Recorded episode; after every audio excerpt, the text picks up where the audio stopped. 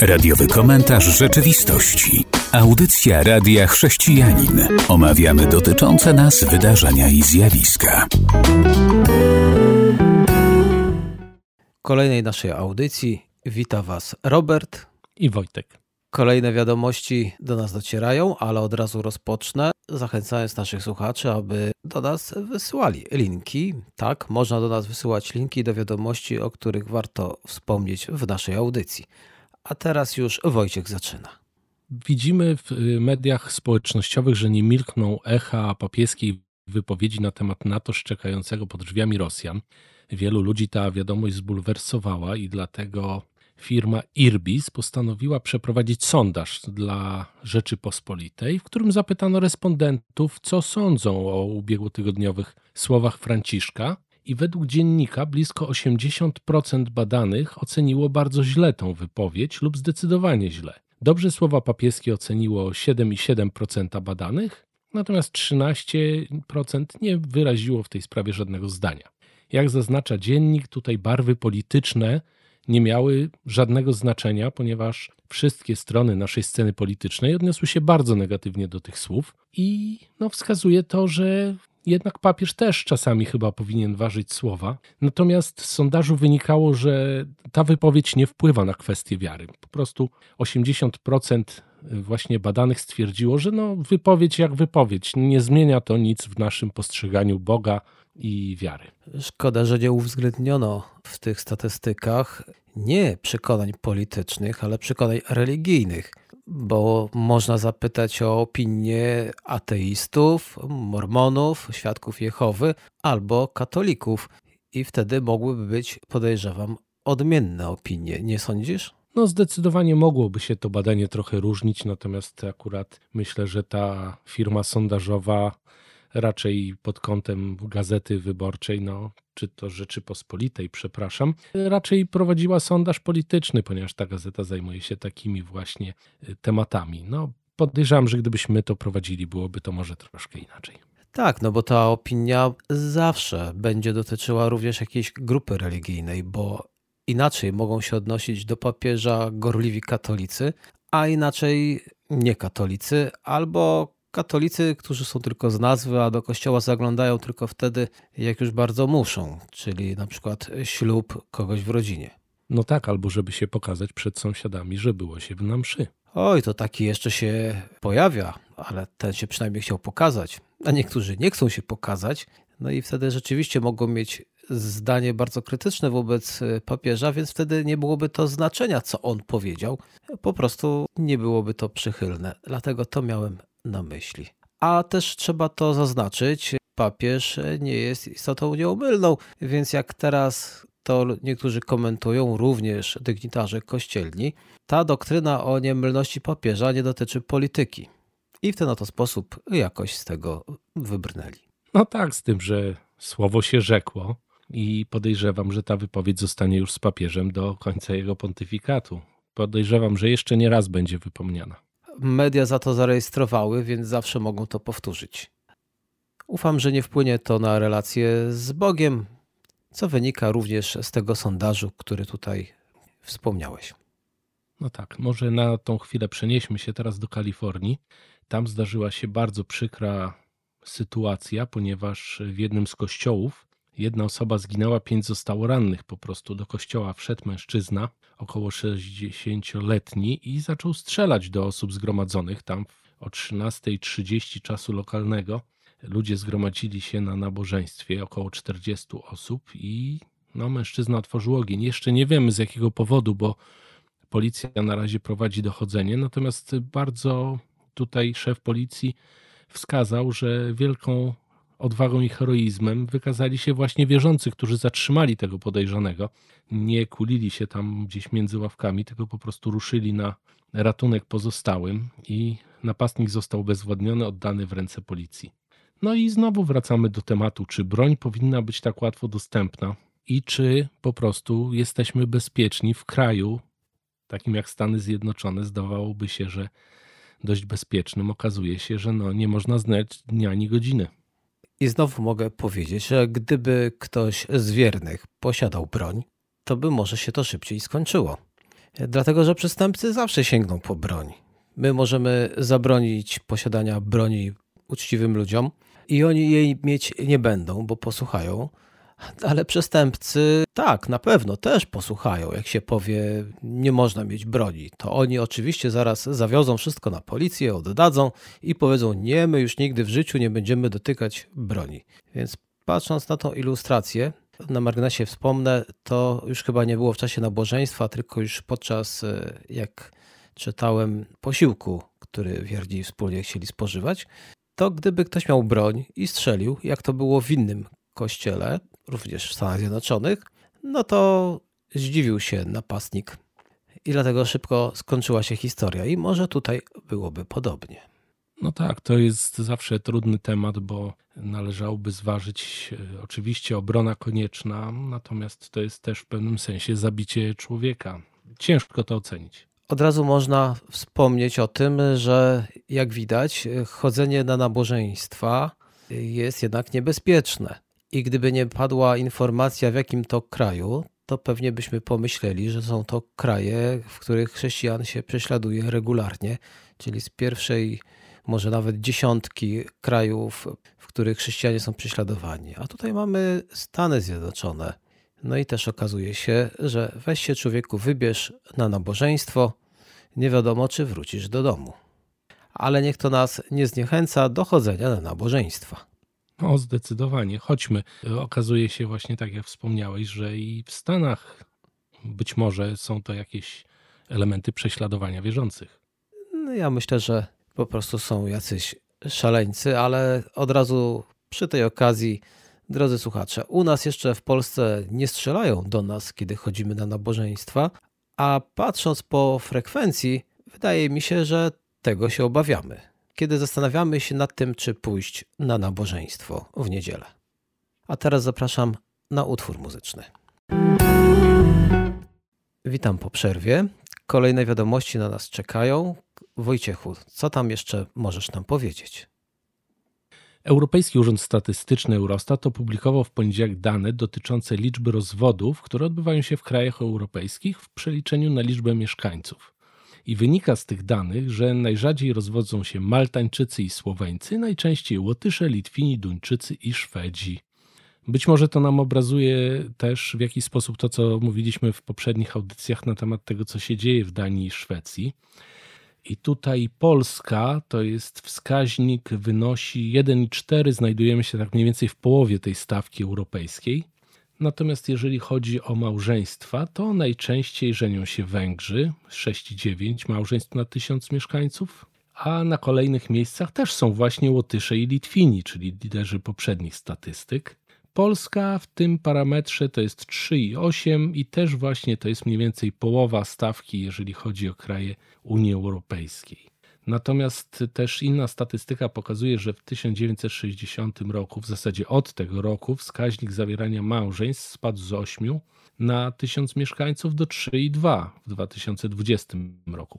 Więc praktycznie ilość małżeństw spada, natomiast wskaźnik rozwodów rośnie, ponieważ podwoił się on na przełomie lat 1964-2020. Także taka ciekawa statystyka, która daje nam obraz tego, w jakim kierunku podąża Unia. Można by było powiedzieć, ludzie, społeczeństwo, w jakim kierunku podąża. Może liczba mniej zawieranych związków małżeńskich odzwierciedla również mały przyrost populacji. No bo jeżeli zauważyliśmy na pewno również w Polsce, że kiedyś tych dzieci rodziło się więcej, więcej ludzi, więcej dorosłych, więcej małżeństw. Jeżeli teraz mówimy, że ta liczba spada, co za tym idzie, będzie mniej zawieranych związków małżeńskich. No zdecydowanie. Tutaj myślę, że czasy, w których żyjemy, powodują to, że takie rozwody stały się bardzo proste. Poza tym my jako społeczeństwo jesteśmy chyba coraz bardziej wybredni, mniej skorzy do jakichś ustępstw i mamy to, co mamy. To mi chodziło o statystyki, a to zapewne też jest inny podstawowy problem. Ludzie w dużej mierze nie do końca wiedzą, czym jest małżeństwo. za to należałoby też winić w tym wypadku duchownych, którzy nie mówią, czym jest małżeństwo, czemu ma służyć małżeństwo. To tak samo jak się nie będzie ludziom mówiło, czym jest Ewangelia, a w kościołach będą tylko brzmiały jakieś kazania społeczno-polityczne, no to ludzie nie ma co się dziwić. O Panu Bogu, o zbawieniu też się wiele nie dowiedzą. I teraz, jeżeli mówimy o spadku zawieranych małżeństw, może to również wynikać z różnych czynników, ale między innymi z tego, że nie wiedzą, czym jest małżeństwo, więc jak mają pojęcia, czym ono jest, no to po co mi coś, czego i tak nie potrzebuję? Tak sobie myśli. Nie wiem, do czego mi to ma służyć. A dwa, rozwody. Myślę, że byłoby też mniej rozwodów, gdyby ludzie przed zawarciem związku małżeńskiego też mogli się dowiedzieć, czym jest małżeństwo. Użyję tylko jednej ilustracji.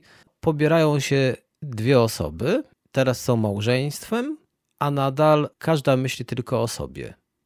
Co ja chcę, co ja lubię, gdzie chcę pojechać na wakacje, co chcę obejrzeć w telewizji.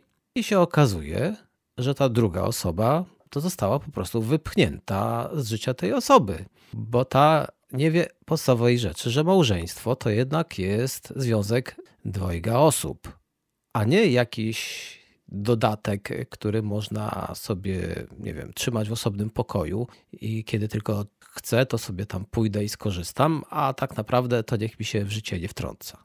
No zdecydowanie coraz częściej chyba tak to właśnie wygląda. Więc jak ktoś chce żyć sam, bo nie umie z kimś innym, to niech nie unieszczęśliwia tej drugiej osoby, zawracając jej, chciałem powiedzieć, głowę, ale tak naprawdę również serce. Ego. Ego może przeszkadzać w wielu związkach małżeńskich. Stawianie na swoim, co chyba jest coraz częściej widoczne w społeczeństwie. Ten wiek charakteryzuje się chyba taką indywidualnością. Stawianie na indywidualność. Jesteś cudowny, jesteś wspaniały. Ty, ja, miłość własna, czyli kochaj siebie, doceniaj siebie, dowartościowuj siebie.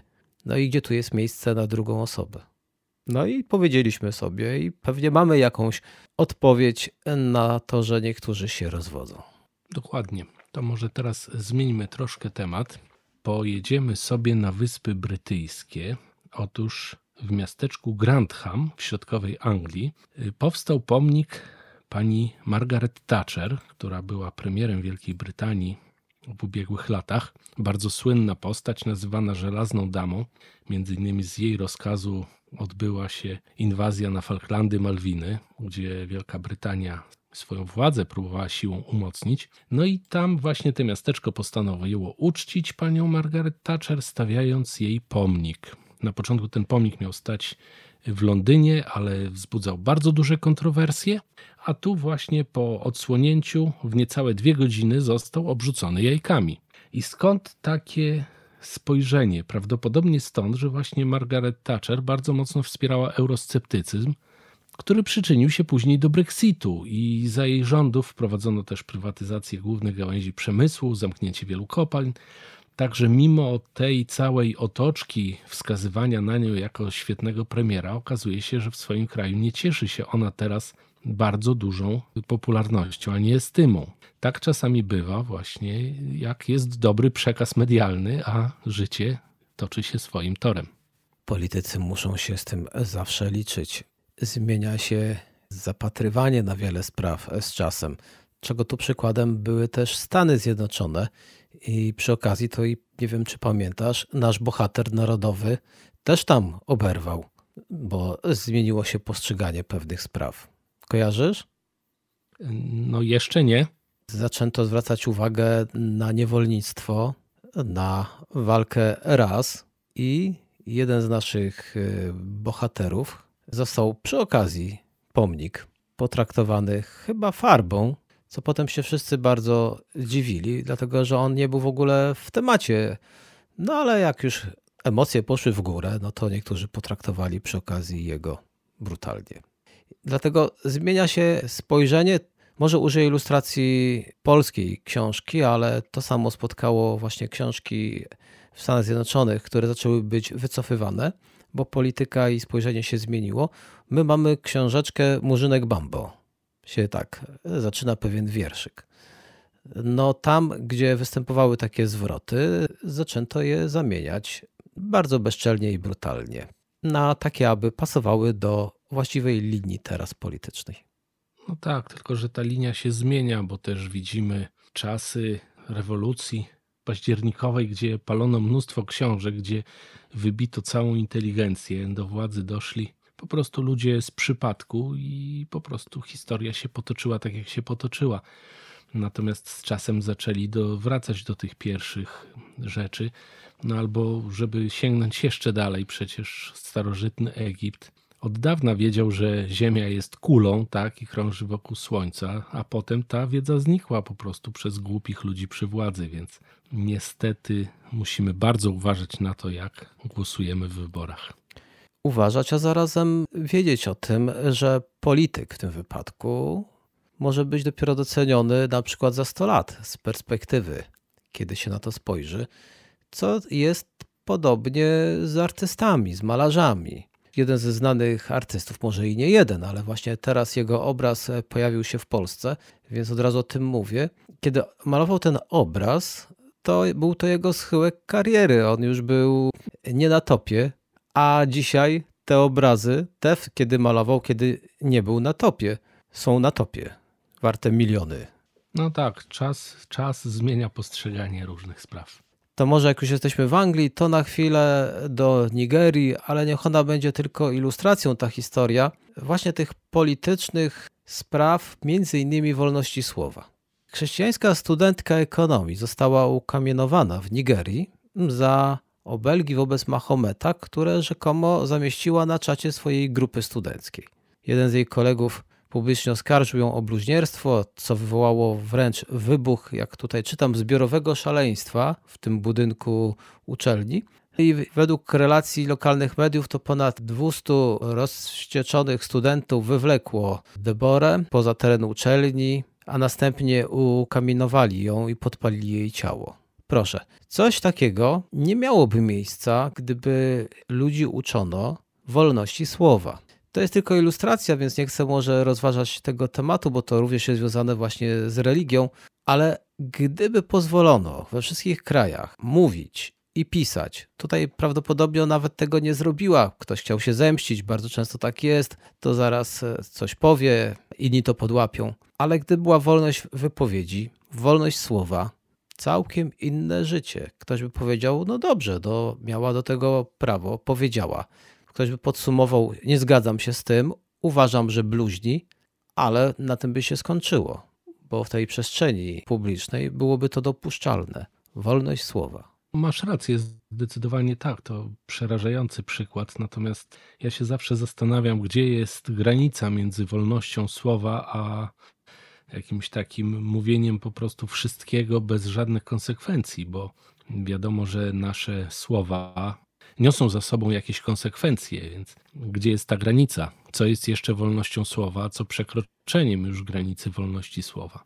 To niech to gdzieś określą, tylko w miarę w taki sposób czytelny, rozpoznawalny. Na przykład groźby i jakie groźby pod czyimś adresem ale stwierdzenie, że ktoś się myli i szczególnie osoba, która już nie żyje, no to trudno kierować groźby do osoby, której już tu nie ma. Jeżeli powiemy, że ta osoba się myliła albo była szaleńcem, nawet jeżeli ktoś tak powie o Jezusie, że Jezus był szaleńcem, no to co, ja z tego powodu mam go zastrzelić?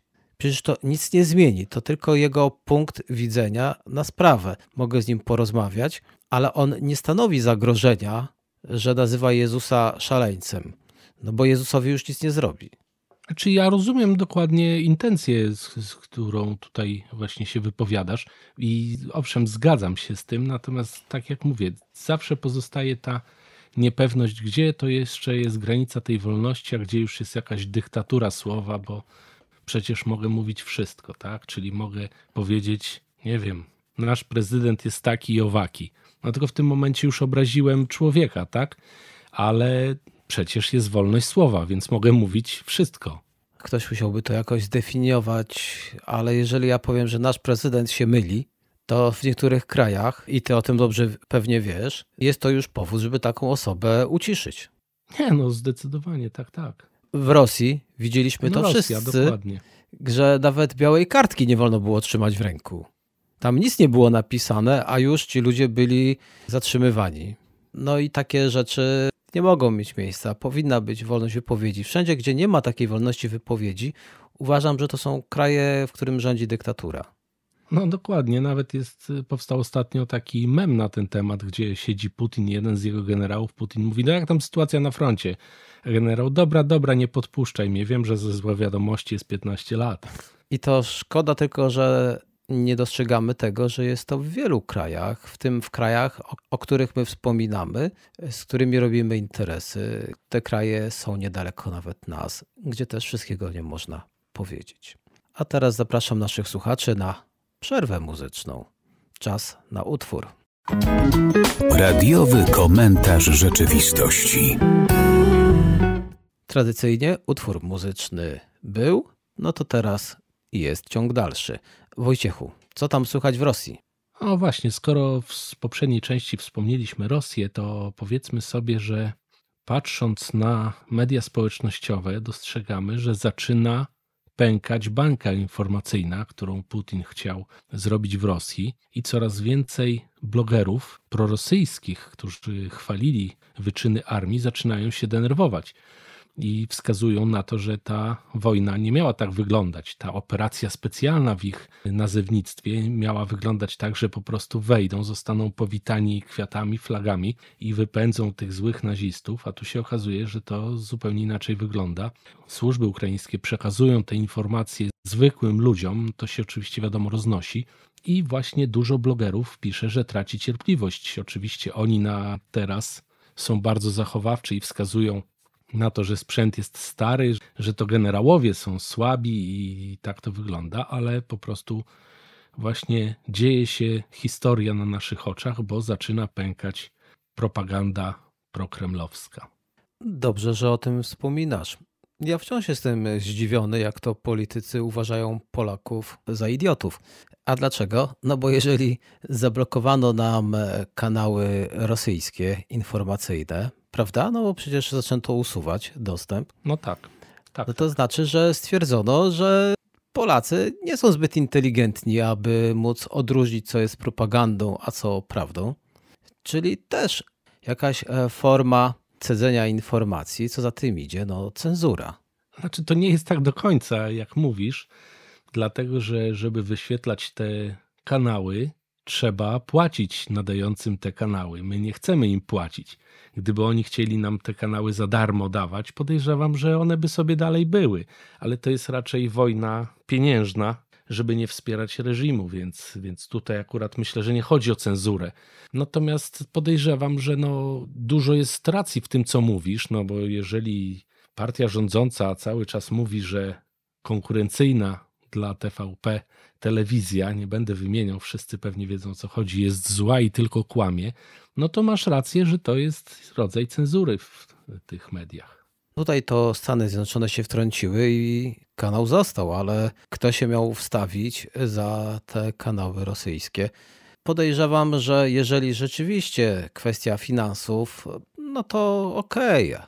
Ale myślę, że Rosja z chęcią by nam je udostępniła za darmo, a nawet niewykluczone jeszcze by dopłaciła, abyśmy tylko mogli je oglądać. Wydaje mi się, że to wciąż jest to, że jednak próbuje się również Polakom cedzić informacje, ale to nie tylko Polakom. Widać to w wielu różnych krajach, że władza chciałaby, aby ludność słuchała tylko tego, co oni im podadzą na tacy, a wszystko inne niekoniecznie. Jak to widać, jest to charakterystyczne dla wielu różnych systemów politycznych. A jeżeli jesteśmy już w Rosji, to właśnie niejaki przedsiębiorca Michał Chodorkowski, który jest trochę w opozycji do Putina, zamieścił ostatnio na swoim Twitterze informację o tym, że to ze zdjęciem było, że kapłani prawosławni błogosławią szatana drugiego. To jest taka rakieta, która tam w Rosji nazywa się Sarmata, a w amerykańskim nazewnictwie właśnie nazwano go Szatan 2.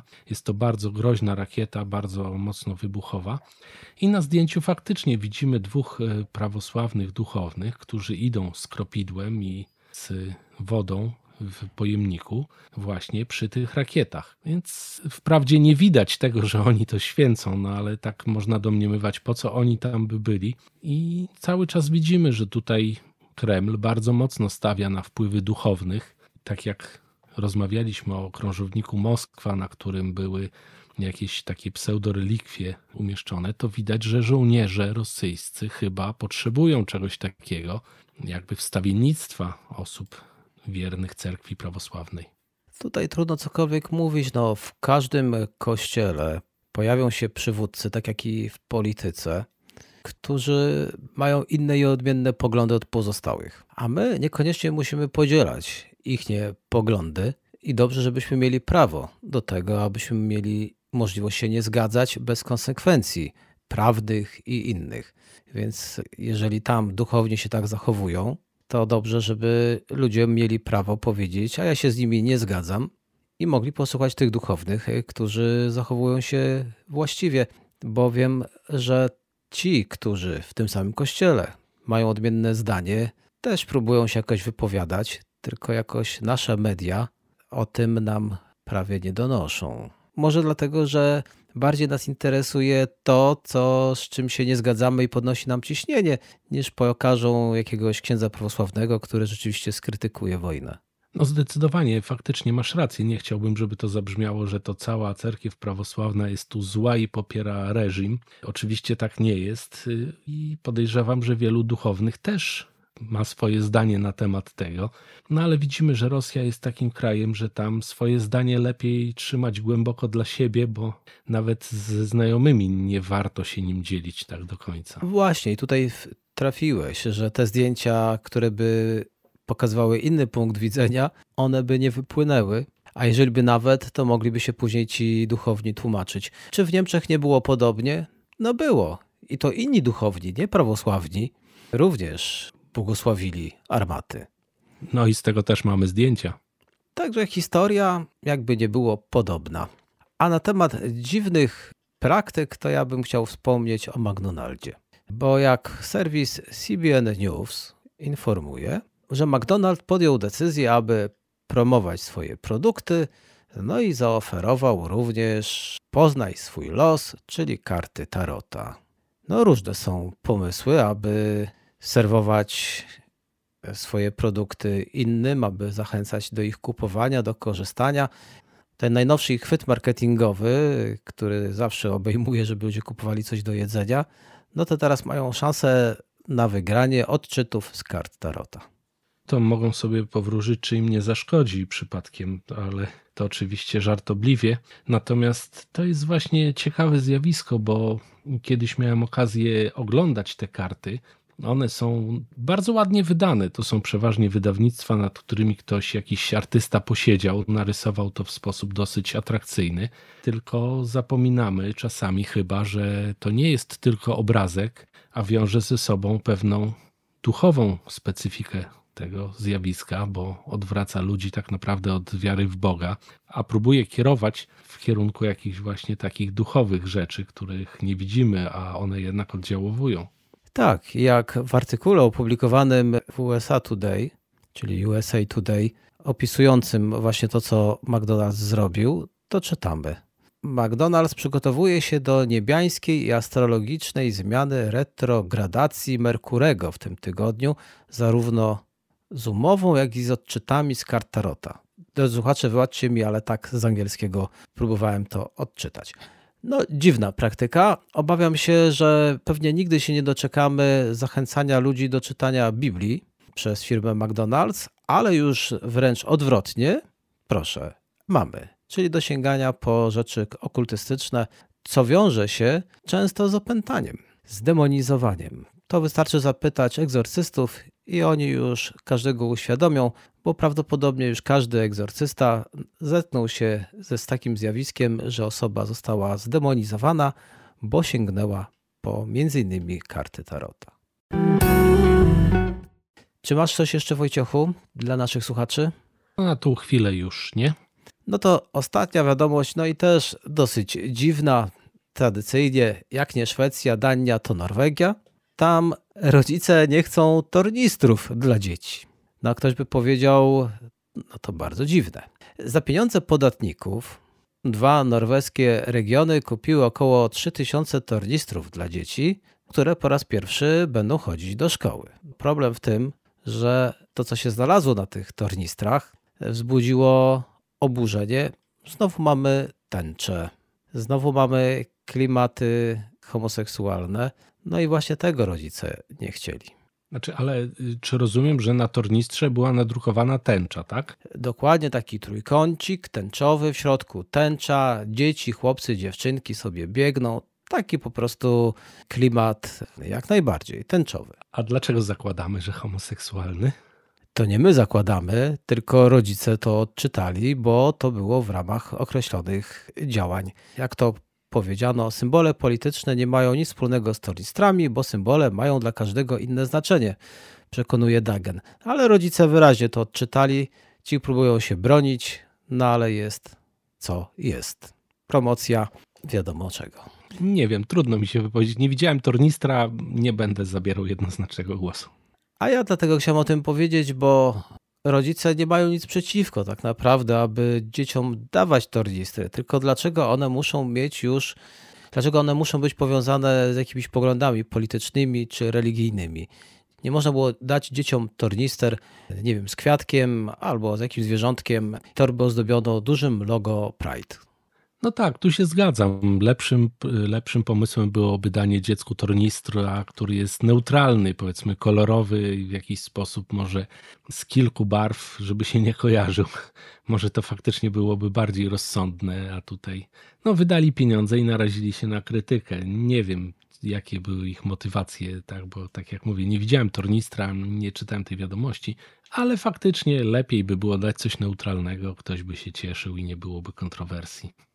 Myślę, że wiele zależy od tego, kto sponsoruje, i dlatego trzeba wciąż uważać, jeżeli coś otrzymujemy w prezencie, bo możemy otrzymać w prezencie coś, z czym jest już jakiś przekaz. Dlatego nic dziwnego, że kiedy my, jako radiochrześcijanin, bywamy w różnych miejscach, mają swoje stoisko, swoje stanowisko, czy to na jakichś targach, czy na innych wydarzeniach, i mamy coś darmowego, ludzie są bardzo ostrożni no ja się wcale temu nie dziwię. My mamy dlatego, że chcemy się z czymś podzielić. Ale jak ktoś widzi, że jest coś za darmo, jest ostrożny. I tak bądźmy, bądźmy zawsze ostrożni. Jeżeli jest to za darmo, to może ktoś chce nam coś wcisnąć. Czy nie tak? No, zdecydowanie tutaj, chociaż y, chciałbym może powiedzieć coś na obronę fundacji, ponieważ tu raczej fundacja nie kryje się ze swoim przekazem, tak? Jest to dosyć jasno pokazane, jaki jest przekaz, więc nic, nic tu nie jest ukrywane. Ale masz rację, takie darmowe prezenty czasami mogą nieść za sobą jakieś różne przekazy. To przecież zdarza się też i w innych sytuacjach, kiedy ktoś chce coś na przykład załatwić w urzędzie i przynosi czekoladę, dla przykładu mówię, tak? Ale to przecież jest nic złego, to tylko taki prezent. No ale w domyśle ten prezent ma spowodować przychylność tego urzędnika, więc przekaz jest bardzo jasny.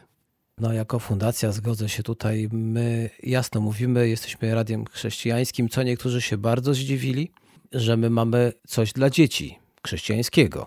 Wtedy ja odpowiedziałem pytaniem, a czy jako radio chrześcijanin nie możemy mieć czegoś chrześcijańskiego? No bo jak Radio Z rozdaje gadżety, to można byłoby się zdziwić, gdyby one nawiązywały na przykład do czytania Pisma Świętego. A my, czy tu można się dziwić? No, zdecydowanie nie. Jest to zgodne z linią fundacji. I programową Radia Chrześcijanin. I tą wiadomością kończymy nasze dzisiejsze spotkanie. Mówili do Was Robert i Wojciech. Do usłyszenia. Do usłyszenia. Był to radiowy komentarz rzeczywistości.